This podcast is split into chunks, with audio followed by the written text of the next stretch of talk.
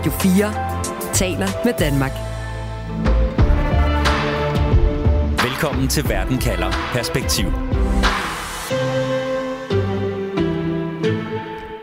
Evan Gershkovich var på arbejde i Rusland som journalist for den amerikanske avis Wall Street Journal, da han blev anholdt af de russiske myndigheder. Nu sidder den amerikanske journalist i fængsel på syvende uge. Rusland har sigtet ham for spionage som den første vestlige journalist siden Sovjetunionens fald. Siden Rusland startede sin invasionskrig i Ukraine, er det blevet vanskeligt at arbejde som journalist i Rusland, og udenlandske medier har måttet gøre op med sig selv, om de overhovedet tør sende journalister til Rusland. Samtidig har behovet aldrig været større for at forstå det land, som er gået i krig i Europa, for at forstå, hvor langt Putin vil gå for at skabe sit russiske imperie, og for at forstå, hvad russerne selv tænker og ønsker for deres fremtid. Derfor spørger jeg i dag, kan vi forstå Rusland på afstand? Jeg hedder Stine Krohmann Dragsted. Velkommen til Verden kalder perspektiv, hvor jeg stiller et spørgsmål, der giver dig perspektiv på verden omkring os, og på 30 minutter giver dig et svar. Du lytter til Radio 4. Anna Libak, udlandsredaktør på Weekendavisen, Ruslands kender, og så er du selv dækket Rusland som korrespondent for en række danske medier. Velkommen til Verden kalder. Tak. Anna, efter Ruslands invasion af Ukraine er der blevet endnu værre vilkår for journalister i Rusland. Næsten alle uafhængige medier er blevet stemplet som udenlandske agenter, er blevet lukket ned, er blevet blokeret. De resterende russiske medier de er blevet udsat for militær censur, kan vi vel kalde det. Journalister i Rusland, Anna, de har jo levet livet farligt også før krigen i Ukraine. Altså over 20 journalister har mistet livet, siden Putin kom til magten. Hvor meget farligere er det blevet at dække Rusland siden Ruslands krig i Ukraine i, i februar sidste år? Jamen, det er da øh, blevet utrolig meget mere farligt, fordi at op til den øh, russiske invasion af Ukraine, så var det sådan, at man faktisk tillod små medier, der ikke havde nogen betydning, og, øh, at skrive nogle historier frit. Altså at kritisere øh, magten for eksempel. Det var sværere for dem med afsløringer af korruption. Hvis de kom magtfulde folk på tværs, så var det så absolut øh, farligt. Men sådan mere generel kritik af magten og den måde, den virkede på, det tog, tillod man faktisk, hvis det ikke var et særligt bredt publikum til det. Jamen sådan har det ikke været efter invasionen. Altså der vil man slet ikke modsiges. Og derfor står vi nu med journalisters, vi kan kalde det nærmest umulige arbejdsforhold i Rusland, og det er blevet understreget, da den amerikanske journalist Evan Gershkovich for knap to måneder siden blev anholdt og fængslet i Rusland. Sune Engel Rasmussen, korrespondent for avisen Wall Street Journal. Velkommen til Verden kalder. Tak skal du have. Evan Gershkovich er din kollega. Han er Wall Street Journals Ruslands korrespondent. Når han ikke er i Rusland, så sidder I på samme kontor i London. Lige nu er han sigtet for spionage, som kan koste ham mange år i et russisk fængsel. En, en sigtelse, som han og Wall Street Journal afviser. Sune, hvordan, hvordan påvirker dig, at din kollega sidder i russisk fængsel? Det er helt klart påvirket både mig og, og resten af øh, mine kolleger, både her i, i Europa, men også i USA, rigtig meget. Altså, det er en usædvanlig situation for, avisen at stå i, og, og Evan er, er utrolig vældig og, og respekteret øh, blandt sine kolleger, og han er en, en, en øh, kollega, som mange af os har et, et meget venskabeligt og ret nært forhold til. Øhm, så det er klart, at altså, de første par uger, der var der sådan ret meget chokstemning på avisen, men, men, øh, men avisen har reageret hurtigt, og ledelsen har reageret rigtig hurtigt, og har, øh, og har simpelthen sat alle sejl til for at, at kunne hjælpe dem så meget, som vi nu kan og allerede inden for de første 24 timer var i kontakt med, med det hvide hus, og præsident Biden har flere gange talt med Evans forældre, så det er noget, der bliver, der bliver håndteret på højeste øh, diplomatiske niveau i USA. Men det er klart, det, det er noget, som vi taler om hver dag, og når man går ind på vores kontor her i London, så er der store plakater med Evan overalt, og, og vi deler bygning med nogle andre aviser, og der er sådan de her elektroniske skærme, når man går ind i lobbyen, hvor hvor Evan er på hver dag. Så man bliver altid sådan mindet om, at, at øh, han sidder der. Ja, for han har siddet i fængsel i syv uger nu. Hvad ved I om, hvordan han har det? Vi ved fra, at han har haft kontakt med den amerikanske ambassadør, og han har også fået nogle få sådan, juridiske besøg eller advokatbesøg, og så er han i stand til at sende breve ud til til venner. Så vi ved, at han er vel godt mod. Fysisk har han det okay. Han, han, kan, kan, han har en ret lille celle alene. Det er jo lang tid at sidde alene i en, i en celle, kan man sige. Men han har sådan plads nok til at dyrke motion, som man gør meget. Han tager 100 armbånd om dagen, siger han. Men den er for lille til, at han kan have en yoga-måtte og dyrke yoga på. Så, så meget ved vi om, om hans, den plads, han har bevæget sig på. Men han er, han er ved godt mod, og han, øh, vi har også set ham på tv-skærmen en enkelt gang, da han var i, i retslokale for nogle uger siden, hvor han så ud, som om han også var ved øh, efter omstændighederne sådan, øh, godt mod. Og, så ja, mm. så meget ved vi. Altså, inden han blev anholdt, der rejser Evan til et Rusland, der er i krig med Ukraine, et Rusland, der slår hårdt ned på frie medier. Sune, du har selv boet, du har selv rejst i landet. Det er svært og farligt at, at være journalist i Afghanistan, Iran. Hvad får man ud af at være i de lande, selv når vilkårene er svære? Jeg tror, som vestlige medie er det helt essentielt, at vi i den grad, hvor det er muligt i hvert fald, er til stede i de her lande. Både for at forstå øh, konflikten, hvordan en konflikt opstår, hvorfor den kan være svær at afvikle. Nu nævnte du Iran og Afghanistan. Jeg tror, det er vigtigt i Afghanistan for eksempel at forstå Talibans tankegang for overhovedet at kunne forstå, hvordan her, den, den her konflikt den kunne, for, eller den kunne fortsætte i 20 år. Øh, det er vigtigt at forstå det iranske regime for at kunne forstå, hvordan det har kunne bestå i, i over fire årtier. Øhm, og i tilfælde med Rusland, der tror jeg, det er vigtigt også at kunne forstå, sådan, hvad der rører sig i den russiske befolkning, hvordan øh, befolkningsopfattelse af krigen i Ukraine er, hvorvidt der er støtte til den eller ej, øh, hvilken slags propaganda det er, de bliver udsat for fra regimets side osv. Øh, så jeg tror for, altså, hvor, så medier er jo sat i verden for at, at, at beskrive virkeligheden, som den er, og, og det kan være ret svært, hvis man kun har adgang til en side af en konflikt. Vente sig en, af en borgerkrig eller en krig eller, eller livet under diktatur. Så, det, så, så vidt det er muligt, er, er det meget vigtigt at, at være til stede i, i de her lande. Og det skal vi tale meget mere om, også med, med Anna Libak og med Emil Rotbøl, som jeg også har igennem lige om lidt, som er Ruslands korrespondent for Berlingske. Men jeg vil lige til sidst, inden jeg lader dig gå, spørge, hvad ved du om, hvad der bliver gjort for, for Evan ud, din kollega, ud af russisk fængsel lige nu? Jeg ved ikke så meget om, hvad der foregår sådan på politisk og diplomatisk hold. Det er ikke noget, som vi som avis er involveret i, og slet ikke jeg som, som en almindelig øh, korrespondent. Øh, jeg ved, at vi fra avisens side og ledelsen er øh, i kontakt med, med øh, det amerikanske udenrigsministerium jævnligt og forsøger ligesom at hive i alle de tråde, vi overhovedet kan komme til, og også forsøger, udover at, at gøre, hvad vi kan for sådan at presse på at få frigivet sig også, så for, at der stadigvæk er opmærksomhed omkring hans sag, og det tror jeg er vigtigt både for at holde ham i, i overskrifterne, i medieoverskrifterne, men også for Evans egen skyld, at han kan se, når han har mulighed for at se, hvad der bliver skrevet om ham, at, at han ikke er glemt, når han sidder i, i et russisk fængsel, både nu og når han bliver forhåbentlig inden alt for længe bliver løsladt. Øh, så det er, hvad vi gør fra avisens side. Jeg ved faktisk ikke så meget om, hvad der bliver gjort fra på diplomatisk hold, andet end at jeg ved, at det er en prioritet for det hvide hus, og det er ikke noget, vi sådan bliver delagtigt gjort i, i hvert fald ikke på mit niveau. Mm.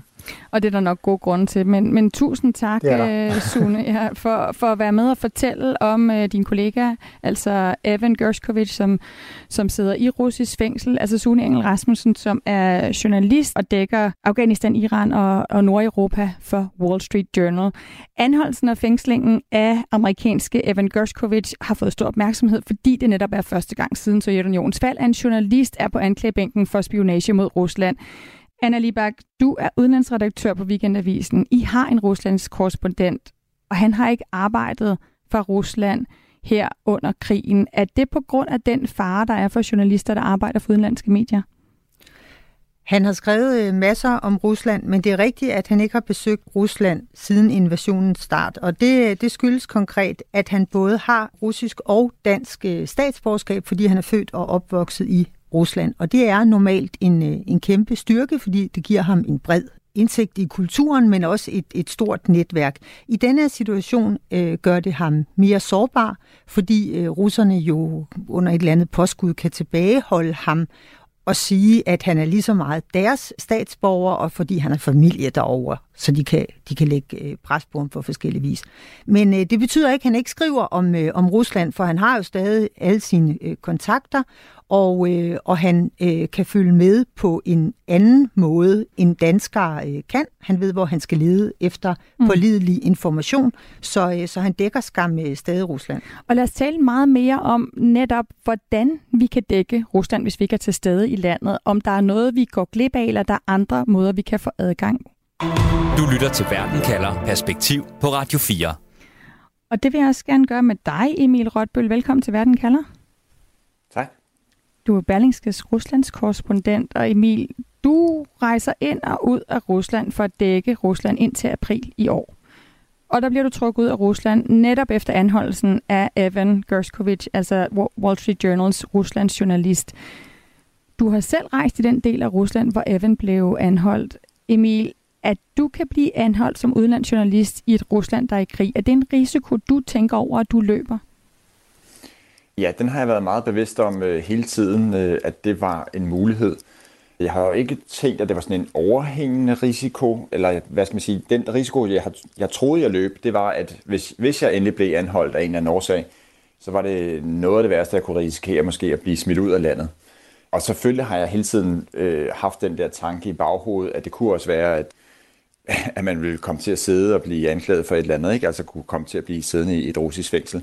Øhm, og, og det har vi så set nu med Evan Gershkovich, at det var, at, at det, det måske var en, en risiko, som var lidt større end, end den, jeg havde håbet på. Og, og på trods af den risiko, hvorfor er det så så vigtigt for dig at være i Rusland for at kunne forstå, hvad der foregår i landet? Altså indtil at din avis beslutter sig for at trække dig ud her i, i april. Jamen, jeg synes, det er enormt vigtigt, som, øh, som Sune også nævner her, at, at prøve at forstå russerne og forstå, øh, hvad er det, der, øh, hvad er det, hvordan ser de på verden i den her situation. Fordi vi, altså selvfølgelig kan, kan vi jo høre alt muligt øh, fra øh, de her meget sådan, øh, krigeriske russere, som, som råber op på Telegram og øh, andre sociale medier. Vi hører fra regeringen. Vi hører også til dels fra de meget Putin-kritiske russere, øh, dem som typisk rejser til udlandet. Men det, som er det store flertal af russere, de er jo et eller andet sted midt imellem, hvor de sådan, i hvert fald passivt støtter op om Putin og om krigen, når det bliver spurgt i meningsmålinger. Men deres bevæggrunde for at, at gøre, som de gør, dem, dem har vi jo ikke sådan direkte adgang til. Øh, så altså, jeg synes, det er enormt vigtigt at prøve at få, få adgang til nuancer, prøve at, at høre, hvordan forklare, altså hvordan, hvordan kommer de videre fra den her situation, og hvordan forsvarer de deres egne handlinger midt i, i den her krig. Anna Lieberg, udlandsredaktør på Berlingske. Du er Ruslandskender, du har boet i Rusland i en årrække, du har arbejdet som journalist i Rusland, og du har studeret russisk. Hvor afgørende er det at være i Rusland for at forstå landet, for at forstå russerne? Jeg mener, på nuværende tidspunkt øh, spiller det ikke den store rolle med, øh, med de vilkår, som vestlige journalister må, øh, må arbejde under. Fordi hvad er en journalists opgave? Altså, øh, det er at, øh, at snuse rundt og samle information. Og derfor så øh, holder øh, de russiske myndigheder, og det har de allerede gjort i en række år, meget nøje øh, følger de, hvad vestlige journalister foretager sig. Hvorfor det også er helt ude i hampen at forestille sig, at, øh, at Ivan Gerskovich, han ville være en ordentlig spion. Og man kan sige, nu nævnte Sune, at øh, vi skal jo vide, hvad for en form for propaganda de bliver øh, fodret med.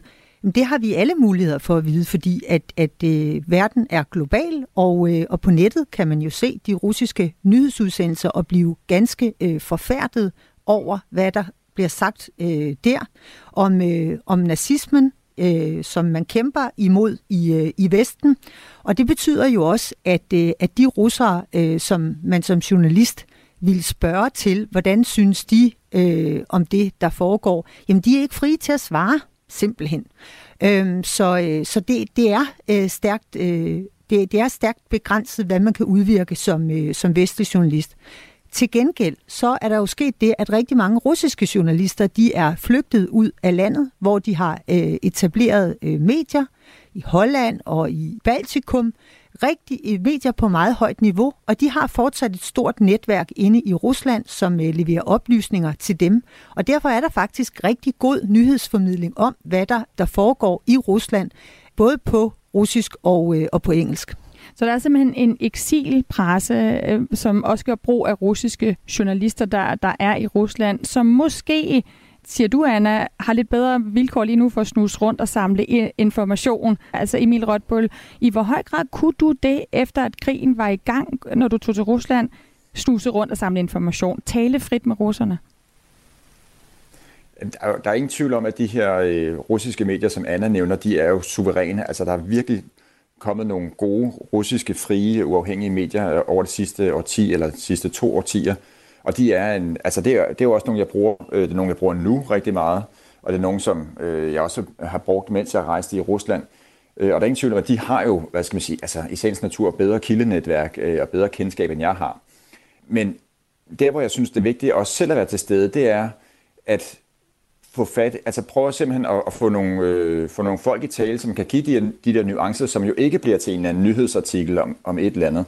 Øh, altså, jeg synes, øh, Sune Inge Rasmussens egen øh, rapporteringer fra Afghanistan er sådan set et meget godt eksempel på noget journalistik, som man ikke ville have adgang til, hvis man øh, ikke var i landet. Altså og især hans, hans bog fra Afghanistan, hvor han jo taler med øh, almindelige mennesker, der har kæmpet for Taliban, og som jo har alle mulige forskellige bevæggrunde for at, at kæmpe for Taliban. På samme måde, så, så kan jeg jo tale med russere, som om de ting, som de godt tør fortælle mig om. Øh, for eksempel, øh, de har et ret stort, en ret stor antipati mod Vesten. Øh, det, det er sådan noget, de kan blive enige om over en bred kamp, øh, hvad enten de, hvor, hvor, hvor end de, de befinder sig på skalaen i, i kærlighed til Putin. Så kan de godt blive enige om, at de, de er ret skuffede over Vesten, og de er overbevist om, at, at vi ved dem det, det værste. Og sådan. Og det synes jeg er interessant at, at få de der nuancer, få de der forklaringer, for at prøve at, at, at forstå, hvad er det for nogle knapper, som øh, Putin kan spille på, og hvad er det måske for nogle knapper, vi i Vesten også skal spille på, hvis vi ændrer vores forhold til Rusland. Ikke? At kan vi på en eller anden måde overbevise dem om, at nej, vi er ikke ude på at, øh, øh, at, at, at splitte Rusland til atomer og komme efter dem i deres hjem. Øh, vi er sådan set bare ude på at få dem, få dem ud af Ukraine.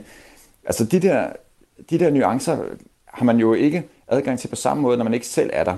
Plus, der er det hele det der billede af, men altså tit hver gang jeg har været i Rusland, øh, så har det været sådan en form for reality check, hvor jeg har kunnet holde de ting op, som jeg har kunne læse rundt om i forskellige medier, så har jeg ligesom kunne holde op mod virkeligheden og sige, okay, øh, hvordan, hvordan passer det med det, øh, jeg ser her? Hvad er det for nogle, hvordan er det konkret, russerne overlever øh, midt i sanktionsregimer og sådan, ikke? Øh, okay, de, de har så alle mulige øh, omveje og smutveje for at komme omkring øh, sanktioner og de, de problemer, som, som rammer dem i hverdagen. Ja, må jeg ikke spørge dig om det, Anna Libak? Er det ikke altid at foretrække, også selv når man sender en journalist til et land som Rusland, hvor folk ikke tør tale frit, hvor politikere, militærfolk og myndigheder er klar til at fodre journalister fra udlandet med misinformation og propaganda, at prøve at lave et reality check? Jo, det er det, er det øh, absolut. Men når jeg øh, svarede på den anden måde, så er det fordi, at øh, implicit i dit spørgsmål, når du siger, forstår vi russerne, der, der hører jeg spørgsmålet om, hvor trætte er de egentlig af Putin? Hvor længe kan de blive ved? Hvornår kommer de til fornuft? Og der er det, at alene i, i, øh, i min levetid er der jo øh, sket nogle øh, seismiske øh, skift. Sovjetunionen brød sammen i 1991, og øh, var der nogen, der havde forudset øh, det? Nej, øh, det var der ikke. Det er øh, meget svært at, øh, at vurdere styrken af et, øh, et, et totalitært system, fordi folk lever i frygt og ikke kan give udtryk øh, for, hvad de egentlig mener.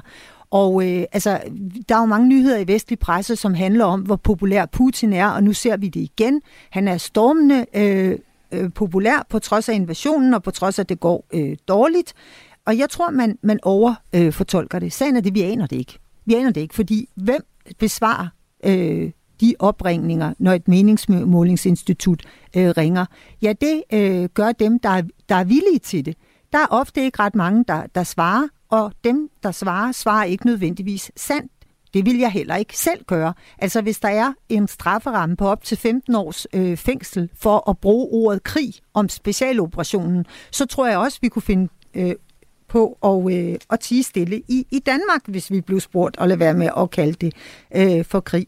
Men altså selvfølgelig er det da rigtigt, at man ved tilstedeværelse, øh, hvis det er nuancer, det handler om, kan få en bedre øh, forståelse af Rusland. Man kan se, jamen, altså, hvor mange af dem, man, man møder, har bruger VPN, øh, VPN øh, teknologi til at øh, se hjemmesider som med, med kritisk øh, in, information, øh, og øh, er der i virkeligheden en boblende utilfredshed, og hvilke varer kan man ikke længere få, altså hvor økonomisk presset øh, er de, sådan nogle ting. Altså jeg tror da absolut, at, at vestlige journalister, de øh, stiller andre spørgsmål og holder øje med andre ting, end, øh, end russiske øh, journalister gør. Men sådan det overordnede billede af, øh, mm. hvordan det går, det, det tror jeg sådan set godt, at, at man kan danne sig, også uden at have korrespondenter i Rusland. Emil, nu dækker du Rusland, uden at, være, altså uden at kunne rejse ind i landet. Du kan se russisk tv her fra Danmark, du kan ringe og interviewe folk i Rusland, du kan følge med på de sociale medier. Hvilke historier kan du ikke skrive lige nu, fordi du ikke er i Rusland? Men jeg kan ikke skrive de her historier, hvor vi kommer ud og møder nogle almindelige mennesker. Altså en af de sidste historier, jeg havde planlagt, det var at tage til Pskov, som er sådan en, en russisk by med en, en stor militær base, øh, altså som, som byen på alle mulige måder lever af, hvor der er, øh, som er hjem for de her russiske faldskærmssoldater, som der er mistet rigtig mange af i Ukraine. Øh, som dem vil jeg gerne have talt med nogle af familierne til, øh, dem der har, både dem, der har folk afsted, men måske dem, som har mistet en, en søn eller en mand eller en kæreste, og prøve at høre dem, øh, hvordan de ser på krigen, og hvorfor det er, at de i høj grad stadig støtter den, øh, efter hvad vi hører. Øh, altså det, og det er de der sådan, hvad skal man sige, almindelige stemmer, som, øh, som jeg ikke kan lave. Øh, jeg kan heller ikke lave de her historier, som, øh, som Anna lige er, er inde på i forhold til, hvordan, hvordan opfører danske virksomheder sig for eksempel i Rusland. Altså der er jo ikke nogen, der er ikke nogen russiske medier eller uden, andre udenlandske medier, som skriver om, hvordan Eko øh, laver marketingkampagner, eller hvordan Carlsberg stadig sælger Tuborg på hylderne. Altså, det, er jo, det er jo kun en historie for os, kan man sige. Ikke? Øh, eller i høj grad kun en historie for os. Øhm, så, så, så de her mere specifikke historier selvfølgelig, men også de der mere, øh, de her historier, som simpelthen er med til at give et billede af, at, at russerne er, er mangeartede og forskellige. Øh, og hvis jeg lige skal prøve at uddybe det her, jeg var inde på før med, med sådan det der store flertal, som, som er passive. Altså, jeg synes, det er åbent spørgsmål i hvor høj grad de ligesom passivt støtter Putin, og hvor høj grad de øh, er, er yder passiv modstand i, i den øh, på den måde, at de ikke melder sig til krigen, og de ikke ligesom øh, yder frivillig arbejde, men de bare prøver at overleve indtil det hele, hele det her er slut. Og er der et eller andet, der kan presse dem øh, til at i højere grad at øh, øh, hvad skal man sige, sabotere regimet på deres egen måde, for eksempel ved at øh, undgå at blive mobiliseret øh, og, og, og gemme sig i skovene, eller hvad ved jeg ikke, hvad vi ellers har hørt af, af, af historier af den slags. Øh, altså det er jo de historier, vi ikke kan lave på, på afstand. Lad os lige til sidst tale lidt om, hvad konsekvenserne er for, for os øh, her i Europa, i Vesten, hvis vi ikke kan dække Rusland i Rusland. Radio 4 taler med Danmark. For Emil, der er jo en del lande med krige og konflikter, som det er både farligt og vanskeligt for journalister at rejse til at fortælle fra. Altså for eksempel Afghanistan, Syrien, Iran. Hvorfor er det så vigtigt lige at have adgang til præcis Rusland netop nu? Jamen det er det, fordi at det er jo et land, som vi er i åben konflikt med. Øhm, og der er, som, som, øh, som jeg var inde på før, det her med, at der er noget af det, som rigtig meget holder regimet op lige nu, det er den her modstand mod Vesten. Øh, altså det er jo ikke, fordi de, de tænder specielt på at erobre nye territorier i Ukraine eller sådan noget. Altså det er rigtig meget en frygt for, at Vesten kommer og tager dem, øh, hvis ikke øh, de kæmper imod. Øh, og det er jo nu har jeg ikke svaret på, hvordan det er, man så fra vestlige regeringer skal svare på det, men, men det siger jo også noget om, okay, måske skal vi tænke på det her på en anden måde, hvordan vi tilgår det spørgsmål. Øh, kan vi, er der et eller andet i vores egen politik, vi kan gøre for at overbevise almindelige russere om, at, øh, at, at, at, vi, at vi bare vil sparke dem ud af Ukraine? Øh, på samme måde som det var vigtigt i Afghanistan at forstå, hvorfor de her, alle de her forskellige øh, kludeværk af, af krigere har kæmpet for Taliban, det var jo ikke fordi, at de troede på øh, det store øh, øh, Taliban-dynasti. Det var nogle gange bare for at beskytte deres egen landsby, eller, eller hvad ved jeg, ikke? Øh, så på den måde, så, så er det jo vigtigt for at forme vores egen politik. Mm. Så det øh, ord, der går igen her, Anna Libak, som du har spillet mærke lige før, som Emil gentager her, det er jo det her med at forstå. Altså, hvordan vi forstår. Og lige nu gør vi det altså i høj grad på afstand. Så at, du siger, at der jo stadig er russiske journalister, som forsøger øh, anonymt, for de fleste af dem, at dække landet indefra, og så er der den her eksilpresse, der gør brug øh, af dem. Er de vores bedste håb for at forstå landet lige nu, når vi selv sidder på afstand? Ej, det er der øh, øh, forhåbentlig. Altså, øh, flere kilder til. Ikke? Altså, der er jo både de, de officielle, øh, hvad er den historie, de fortæller øh, om sig selv, og så er der øh, diplomaterne, som, øh, som mødes i kulissen, fordi der er altså stadig amerikanske og russiske øh, diplomater på topniveau, som mødes. Øh, lov for det, fordi jeg er jo helt enig i, at øh, vi kan nærmest ikke få for meget øh, at vide om, øh, om Rusland. Det er... Øh, Jamen altså i min levetid, jeg kan da ikke forestille mig, at der er sket noget frygteligere, end at der land, det, det øh, geografisk største land i verden, der står præsidenten i fulde alvor og truer os med atomvåben. Han siger, I er øh, fjenden. Jeg vil udvirke et skifte i øh, verdensordenen. I repræsenterer nazismen. Vi kæmper mod jer, og vi bliver ved øh, til, øh, til den, den bedre ende. Og husk det nu, vi har atomvåben, siger han så for en sikkerheds skyld. Altså det er jo fuldstændig øh, barokt, og øh, det er for lidt at sige, at det er dødsens farligt, men det betyder, at at forstå Rusland, øh, det, det skal vi da øh, i hvert fald forsøge på. Emil Rødbøl, hvor lang tid tror du, der går, før du er tilbage i Rusland igen? Øhm, jeg arbejder selv med sådan en horisont, der hedder øh, øh, inden, for, inden for fem år. Ikke? Øh, hvis jeg skal være lidt håbefuld, så om to år. Men altså, det er fuldstændig det er rent gætværk. Det er kun noget for ligesom at holde min egen, mit eget øh, motivation oppe. Øh, fordi altså, der skal jo noget grundlæggende forandring politisk til. Altså, der skal stå en anden øh, på øh, øh, Dmitri Peskov-niveau, altså Putins talsmand, og sige, at selvfølgelig passer vi på øh, udenlandske journalister i, øh, i Rusland. Og der er vi altså et stykke vej fra lige nu. Du lytter til Radio 4. Vi er nået til en konklusion på det spørgsmål, jeg stiller i dagens program. Kan vi forstå Rusland på afstand? Anna Libak, hvad er dit svar på det spørgsmål? Jamen, det er, at man kan ikke sige øh, ja og nej, fordi man forstår jo ikke noget øh, til bunds, øh, ikke engang sig selv. Men øh, vi kan... Det var et øh, meget filosofisk svar. ja, vi kan forsøge, og gudskelov øh, er der virkelig mange dygtige øh, russiske journalister, som har slået sig ned øh, i Vesten, og som hjælper os øh, med det gennem et øh, omfangsrigt kildenetværk. Emil Rødbull, kan vi forstå Rusland på afstanden? Ja, vi kan jo, øh, vi kan jo gøre det. Vi kan, vi kan komme så tæt på, som, som vi kan. Ikke? Altså, vi kan blive ved med at forsøge. Øh, og risikoen for at tegne et fjendebillede op, øh, som, som man jo gør i en krigstid, den er, den er større.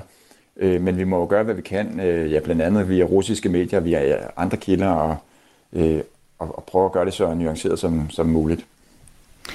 Tusind tak for, for de to vurderinger og perspektiver på det her spørgsmål. Altså Anna Libak, udlandsredaktør på Weekendavisen, og Emil Rotbøl, Ruslands korrespondent for Berlingske. Og uanset hvad der sker, så husk at du kan få svar på et afgørende spørgsmål her i Verden kalder med mig, Stine Krohmann Dragsted. Det er mandag og torsdag, at du kan lytte til programmet live. Først en halv time om en aktuel sag i Verden kalder, og dernæst får du 30 minutters Verden kalder perspektiv, hvor vi sætter et spørgsmål om verden ind i en større sammenhæng og giver dig svar. Og så kan du selvfølgelig altid lytte til Verden kalder som podcast lige når du vil, ved for eksempel at finde Verden kalder på Radio 4's app. Du har lyttet til en podcast fra Radio 4.